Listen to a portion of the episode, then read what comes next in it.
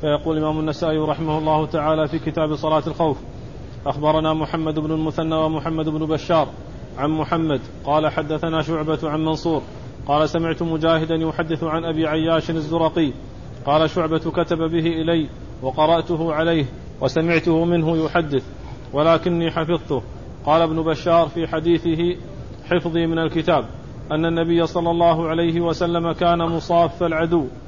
بعسفان وعلى المشركين خالد بن الوليد فصلى بهم النبي صلى الله عليه وسلم الظهر. قال المشركون إن لهم صلاة بعد هذه هي أحب إليهم من أموالهم وأبنائهم.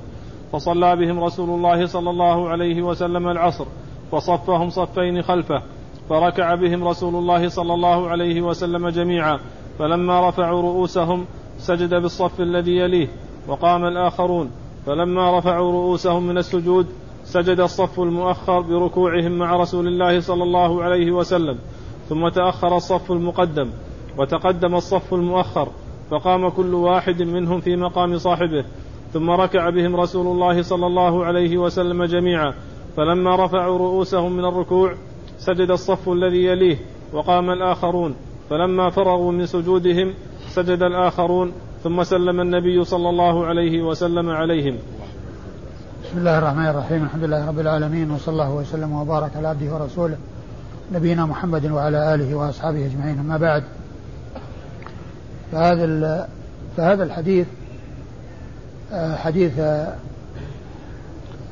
حديث أبي عياش الزرقي رضي الله تعالى عنه. يشتمل على صفة صلاة الخوف فيما إذا كان العدو في جهة القبلة. وقد مر هذه الصفة مرت هذه الصفة في بعض الأحاديث التي مرت عن غير أبي عياش الزرقي. وهذه الصفة التي هي صفة صلاة الخوف إذا كان العدو في جهة القبلة آه، والتي جاءت في حديث جابر فيما مضى وغيره هو أن النبي عليه الصلاة والسلام صفهم صفين. ودخل في الصلاة ودخلوا معه جميعا ثم إنه كبر وكبروا معه جميعا يعني ركع وركعوا معه جميعا ثم رفع وقاموا معه جميعا ثم سجد وسجد الصف الذي يليه وأولئك بقوا على ما هم عليه أي الصف المؤخر. ثم لما قام رسول الله صلى الله عليه وسلم هو أصحابه إلى الركعة الثانية آه، آه، سجدوا لأنفسهم ثم قاموا وتقدم الصف الأول وتأخر, وتأخر تقدم الصف المؤخر وتأخر الصف المقدم وصلى بهم الركعة الثانية وصلى بهم الركعة الثانية ثم إنه عمل في الركعة الثانية كما عمل في الأولى. ركع وركع معه الصف الذي يليه ثم رفعوا جميعا ثم سجد ومعه الصف الذي يليه. ولما استقروا جالسين سجد أولئك السجدتان السجدتين أي سجدتي ال ال يعني لما تقدم الصف الصف المقدم الصف المقدم تأخر والصف المؤخر تقدم. وصلى الرسول صلى الله عليه وسلم بأصحابه الركعة الركعة الأولى وركعوا. ثم إنه سجد ومعه الصف الأول الذي كان مؤخرا في الأول. ثم إنه آه، لما جلس سجد الذين كانوا قائمين يعني في الصف الثاني ثم إنه سلم بهم جميعا فكان لرسول الله صلى الله عليه وسلم ركعتان ولكل منهم ركعتان مع رسول الله صلى الله عليه وسلم. وهذه هي الصفة التي مرت في حديث جابر وغيره يعني فيما إذا كان العدو في جهة القبلة. فإنهم يكونون مع النبي عليه الصلاة والسلام في الركوع ولكنهم يختلفون في السجود. يختلفون في السجود. يسجد الذين وراءه ولا الصف المؤخر يقضون لأنفسهم وهكذا. فتكون الركعتان للمأمومين مع رسول الله صلى الله عليه وسلم آه، كل كل منهم صلى ركعتين ورسول الله صلى الله عليه وسلم صلى ركعتين. وأما إسناد الحديث فيقول النسائي أخبرنا محمد بن المثنى ومحمد محمد بن المثنى ومحمد بن بشار. محمد بن المثنى هو الملقب الزمن العنزي. كنيته أبو موسى. ثقة أخرج حديثه أصحاب الكتب الستة. بل هو شيخ لأصحاب الكتب الستة. ومثله محمد بن بشار الشيخ الثاني. فإنه أيضا شيخ لأصحاب الكتب الستة. وهو ثقة وهذان الشيخان للنسائي وهما من شيوخ أصحاب الكتب الستة جميعا مات في سنة واحدة وهي سنة 52 و200 أي قبل وفاة البخاري بأربع سنوات فهما من صغار شيوخه. وكان متماثلين قيل إنهما متماثلان في إنهما متفقان في سنة الولادة وفي سنة الوفاة. وفي التلاميذ والشيوخ وكونهم من أهل البصرة. ولهذا قال الحافظ بن حجر وكان كفر سيرهان وكان كفر سيرهان ومات في سنة واحدة. ومثلهما يعقوب بن إبراهيم الدورقي فهو شيخ لأصحاب الكتب الستة وأيضا توفي في السنة التي مات فيها محمد بن مثنى ومحمد بشار أي قبل وفاة البخاري بأربع سنوات. عن عن محمد غير منسوب وهو محمد بن جعفر الملقب غندر. وإذا جاء محمد يروي عن شعبة ويروي عنه محمد بن بشار أو محمد بن مثنى وهو غير منسوب فإن المراد به محمد بن جعفر الملقب غندر وهو ثقة حديثه أخرجه أصحاب الكتب الستة وهو بصري أيضا حديثه عند أصحاب الكتب الستة يروي عن شعبة ابن الحجاج الواسطي ثم البصري وهو ثقة ثبت وصف بأنه أمير المؤمنين في الحديث وهي من على صيغ التعديل وأرفعها وحديثه أخرجه أصحاب الكتب الستة. يروي عن منصور عن منصور ابن المعتمر؟ منصور بن المعتمر الكوفي وهو ثقة أخرج حديثه أصحاب الكتب الستة. سمعت مجاهدا. قال سمعت مجاهدا وهو مجاهد بن جبر المكي. ثقة إمام في التفسير وفي العلم وحديثه أخرجه أصحاب الكتب الستة.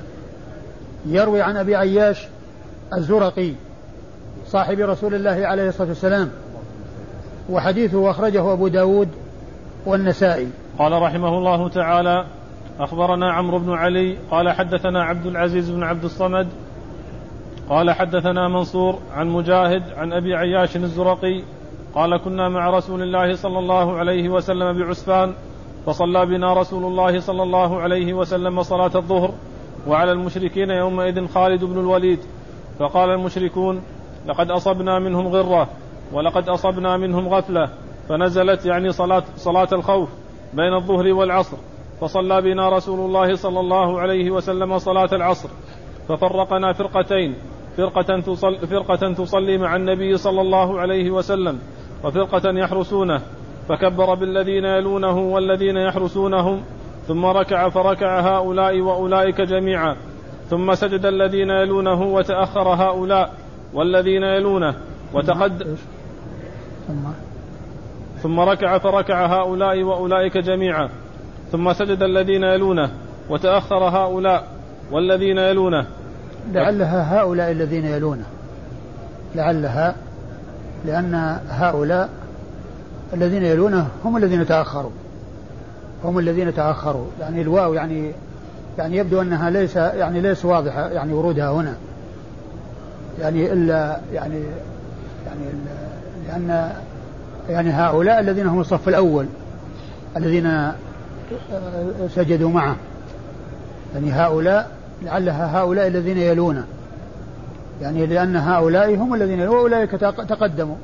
يعني هؤلاء تأخروا هم الصف الأول أي الذين سجدوا معه.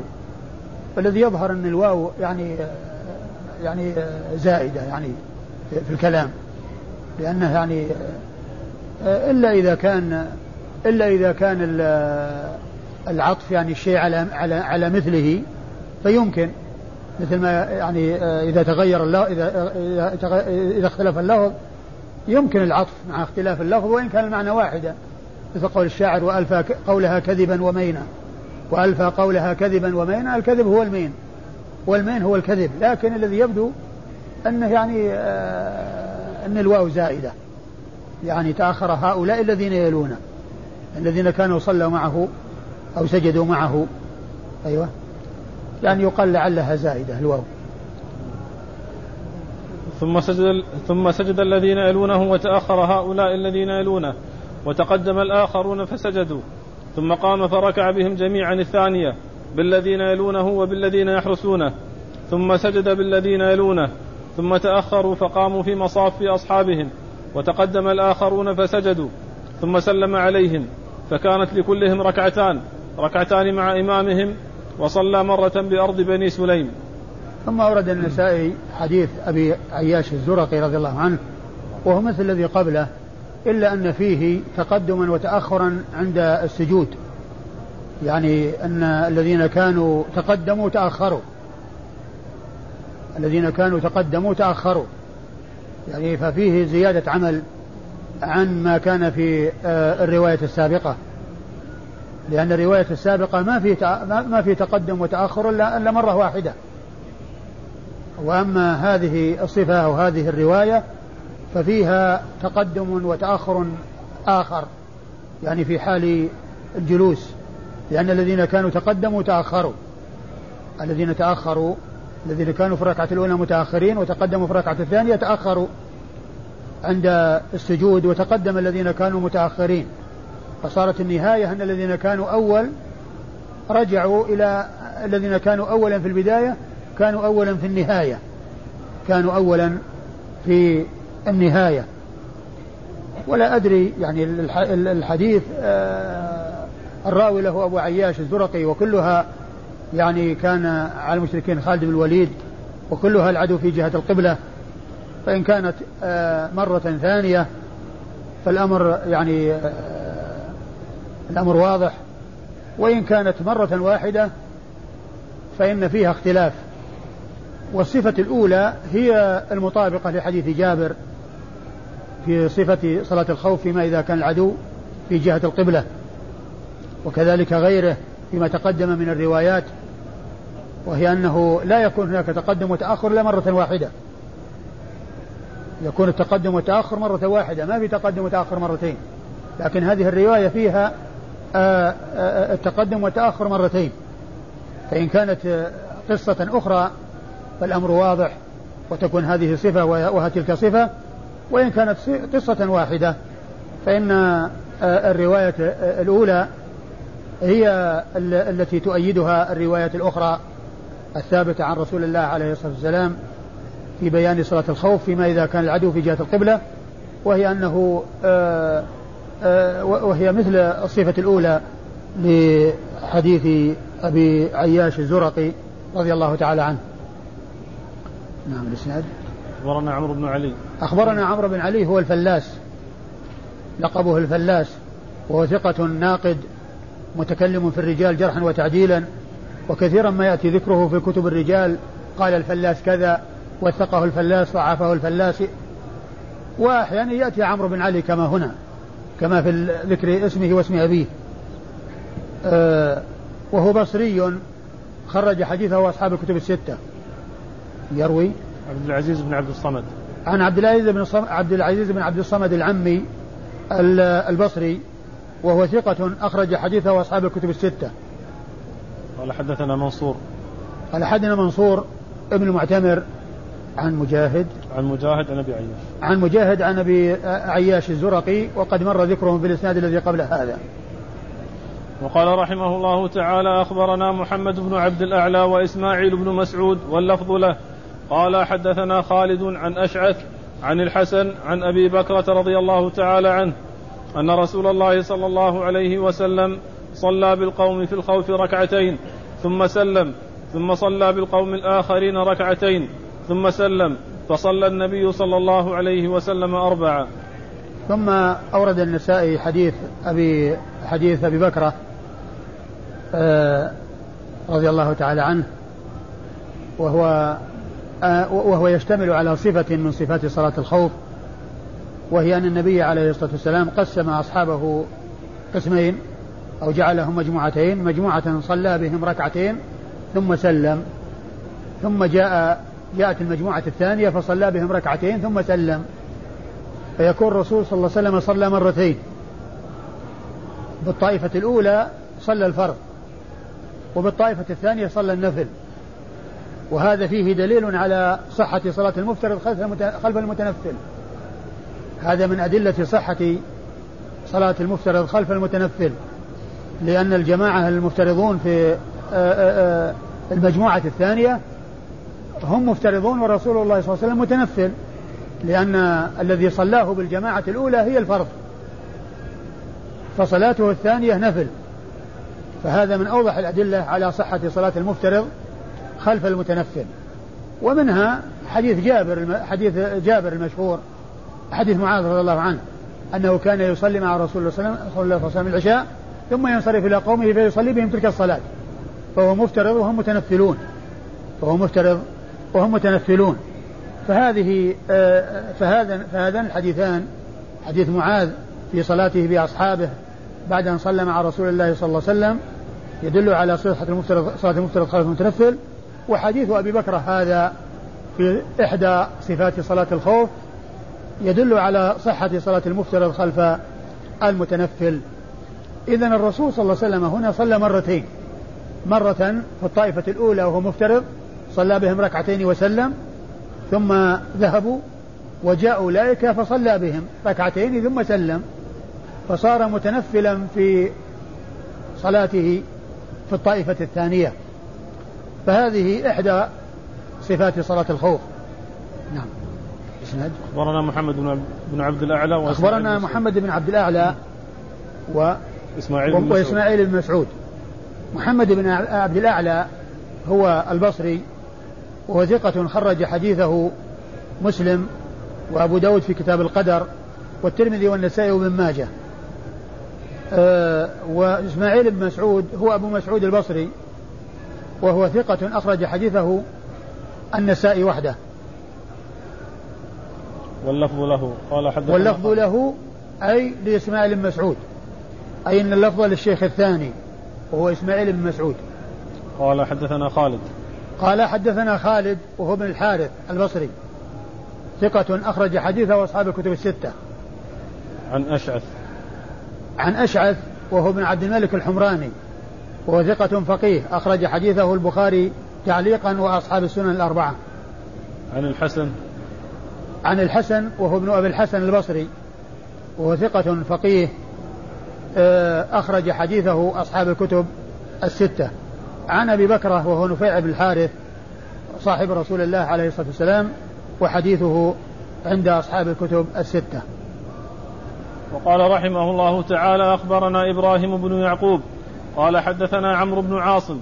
قال حدثنا حماد بن سلمة عن قتادة عن الحسن عن جابر بن عبد الله رضي الله تعالى عنهما أن النبي صلى الله عليه وسلم صلى بطائفة من أصحابه ركعتين ثم سلم ثم صلى بآخرين أيضا ركعتين ثم سلم. ثم الصحابي من هو؟ جابر بن عبد الله. نعم. جابر بن عبد الله. ثم ورد حديث جابر بن عبد الله الأنصاري رضي الله عنه وهو مثل حديث أبي بكرة المتقدم. يعني يشتمل على بيان صفة صلاة الخوف على الصفة التي جاءت في حديث أبي بكرة وهي أن الرسول صلى الله عليه وسلم صلى بطائفة من أصحابه ركعتين ثم سلم ثم صلى بالطائفة الثانية ركعتين ثم سلم. فهو دال على ما دل عليه حديث أبي بكرة آه الإسناد؟ أخبرنا إبراهيم بن يعقوب. أخبرنا إبراهيم بن يعقوب هو الجوزجاني هو ثقة حافظ أخرج حديثه أبو داود والنسائي وابن ماجه. أبو داود والنسائي والترمذي أبو, دا... أبو داود والنسائي؟ والترمذي. آه، أبو داود والترمذي والنسائي نعم. قال حدثنا عمرو بن عاصم. قال حدثنا عمرو بن عاصم وهو ثقة في حفظه شيء. وهو صدوق في حفظه شيء. صدوق في حفظه شيء. أخرج حديثه. أصحاب الكتب الستة. آه، أخرج حديثه أصحاب الكتب الستة. قال حدثنا حماد بن سلمة. قال حدثنا حماد بن سلمة بن دينار. وهو ثقة عابد. أخرج حديثه البخاري تعليقا ومسلم وأصحاب السنن الأربعة. عن قتادة. عن قتادة بن دعامة السدوسي البصري. وهو ثقة حديثه عند أصحاب الكتب الستة. عن الحسن. عن الحسن وهو ابن أبي الحسن البصري وقد تقدم ذكره في الحديث الذي قبل هذا عن جابر بن عبد الله الأنصاري رضي الله عنه صاحب رسول الله صلى الله عليه وسلم وصحابي ابن صحابي وهو أحد السبعة المعروفين بكثرة الحديث عن رسول الله صلى الله عليه وسلم وهم أبو هريرة وابن عمر وجابر وابن عباس وأبو سعيد الخدري وأنس بن مالك وأم المؤمنين عائشة رضي الله تعالى عنهم أجمعين. وقد جمعهم السيوطي في الألفية بقوله والمكثرون في رواية الأثر أبو هريرة يليه بن عمر وأنس والبحر كالخدري.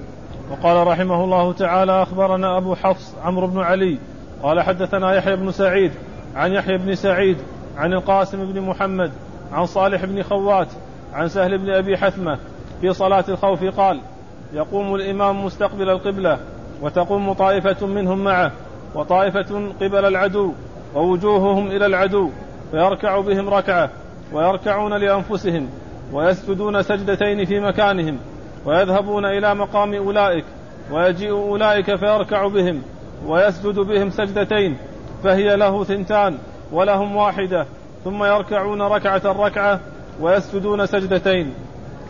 ثم أورد النسائي حديث آه، سهل بن أبي حثمة وهو مشتمل على صفة صلاة الخوف وقد مرت هذه الصفة. وهي أنه يجعل آه، أصحابه طائفتين طائفة يصلون معه وطائفة يصلون آه، تجاه العدو. فالطائفة التي تصلي معه تذهب وتقف في مواجهة العدو ويأتي الذين في مواجهة العدو ويصلون معه الركعة الثانية. ثم يسلم ثم تقوم كل طائفة تصلي ركعة الركعة. وتصلي ركعة الركعة. هذه إحدى صلاة الخوف وقد مرت هذه الصفة في بعض الأحاديث السابقة. أيوة. أخبرنا أبو حفص عمرو بن علي. أخبرنا أبو حفص عمرو بن علي هو الفلاس الذي تقدم ذكره في الإسناد الذي قبل هذا أو قريبا قبل الذي تقدم ذكره قريبا. عن يحيى بن سعيد. عن يحيى بن سعيد القطان البصري الثقة المتكلم في الرجال جرحا وتعديلا وحديثه عند أصحاب الكتب الستة. يروي عن يحيى بن سعيد وهو الأنصاري المدني. وهو ثقة حديثه عند أصحاب الكتب الستة. عن القاسم بن محمد. عن القاسم بن محمد بن أبي بكر الصديق أحد الفقهاء السبعة في المدينة في عصر التابعين. وهو ثقة حديثه عند أصحاب الكتب الستة وهو أحد الفقهاء السبعة في المدينة في عصر التابعين. القاسم بن محمد ابن أبي بكر الصديق. عن صالح بن خوات. عن صالح بن خوات الأنصاري المدني وهو ثقة أخرج حديثه أصحاب الكتب الستة. عن سهل بن أبي حثمة وهو صحابي صغير أخرج حديثه أصحاب الكتب الستة. وقال رحمه الله تعالى أخبرنا عمرو بن علي قال حدثنا عبد الأعلى قال حدثنا يونس عن الحسن قال حدث جابر بن عبد الله رضي الله تعالى عنهما أن رسول الله صلى الله عليه وسلم صلى بأصحابه صلاة الخوف فصلت طائفة معه وطائفة وجوههم قبل العدو فصلى بهم ركعتين ثم قاموا مقام الآخرين وجاء الآخرون فصلى بهم ركعتين ثم سلم. ثم أورد النسائي حديث جابر بن عبد الله الأنصاري رضي الله عنه آه الذي فيه أن النبي عليه الصلاة والسلام قسم أصحابه مجموعتين وصلى بالمجموعة الأولى وذهبت إلى مواجهة العدو. وجاءت الطائفة الثانية فصلى بهم ركعتين ثم سلم. فليس فيه ذكر آه، ذكر التسليم في مع الطائفة الأولى وإنما فيه أنهم صلى أنه صلى بهم ركعتين ثم ذهبوا. ثم جاءت الطائفة وصلى بهم ركعتين ثم سلم. وحديثه المتقدم حديث جابر يقول أنه صلى بهم ركعتين ثم سلم ثم صلى في الطائفة الثانية ركعتين ثم سلم. فيحتمل أن يكون يعني هذا مثل ذاك وهو يكون مختصر مختصر للمتقدم الذي فيه ذكر السلام مرتين ويكون النبي صلى, النبي صلى الله عليه وسلم صلى بأصحابه آه، كل طائفة على حدة ركعتين ثم سلم بكل ثم سلم أي يسلم مع كل طائفة بحيث يكون صلى ركعتين وسلم ثم صلى ركعتين وسلم فكان له صلاة فريضة وصلاة نافلة ويحتمل أن يكون صلى أربعا فيكون آه، ركعتين للأولين ثم سلموا ثم آه، ركعتين للطائفة الأخيرة ثم سلم بهم. فإذا كان الحديث اختصار للأول والحديث واحد فيكون مشتملا على صفة واحدة يكون مشتملا على صفة واحدة. وإلا فإنه يكون مشتملا على صفة جديدة وهي أنه آه، آه، يكون صلى أربعا آه، الطائفة الأولى صلت معه ركعتين والطائفة الثانية صلت معه ركعتين فيكون فتكون صلاته واحدة فتكون صلاته واحدة. ومحتمل أن يكون اختصار للطريق للحديث المتقدم عن جابر وأن الطائفة الأولى سلم بهم ثم صلى بركعة الطائفة الثانية ركعتين ثم سلم بهم. نعم الإسناد. أخبرنا عمرو بن علي قال حدثنا عبد الأعلى. أخبرنا عمرو بن علي هو الفلاس وقد تقدم وعبد الأعلى هو بن عبد الأعلى البصري وهو ثقة أخرج حديثه وأصحاب الكتب الستة. قال حدثنا يونس. قال حدثنا يونس وهو بن عبيد البصري وهو ثقة ثبت أخرج حديثه وأصحاب الكتب الستة. عن, عن الحسن عن جابر. عن الحسن عن جابر وقد مر ذكرهما. وقال رحمه الله تعالى أخبرنا عمرو بن علي قال حدثنا يحيى بن سعيد قال حدثنا الأشعث عن الحسن عن أبي بكرة رضي الله تعالى عنه عن النبي صلى الله عليه وسلم أنه صلى صلاة الخوف أنه صلى صلاة الخوف بالذين خلفه ركعتين والذين جاءوا بعد ركعتين فكانت للنبي صلى الله عليه وسلم أربع ركعات ولهؤلاء, ولهؤلاء ركعتين ركعتين. ثم أورد النسائي حديث أبي بكر رضي الله عنه وهو مثل حديث جابر الذي قبله ويقال فيه ما قيل في حديث جابر لأن حديث أبي بكر الذي مر قبل حديث جابر المتقدم فيه أنه صلى ركعتين ثم سلم ثم صلى ركعتين ثم سلم. وهنا صلى ركعتين وما ذكر السلام ثم صلى ركعتين ثم سلم. ف يعني إذا كان مختصر للحديث الذي قبله فيكون آه، صفة صلاة الخوف واحدة.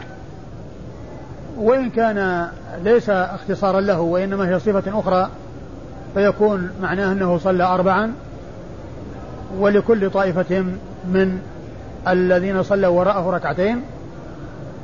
فتكون للنبي صلى الله عليه وسلم أربعا وهي صلاة واحدة فرض ولكل طائفة من أصحابه آه، ركعتين. نعم الإسناد. أخبرنا عمرو بن علي قال حدثنا يحيى بن سعيد. أخبرنا عمرو بن علي يحيى بن سعيد هو القطان كل هؤلاء تقدموا قال حدثنا الأشعث عن الحسن عن الأشعث وهو أيضا ابن عبد الملك الحمراني وقد تقدم. عن الحسن عن أبي بكرة وقد مر ذكرهم. والله تعالى أعلم وصلى الله وسلم وبارك على عبده ورسوله نبينا محمد وعلى آله وأصحابه أجمعين.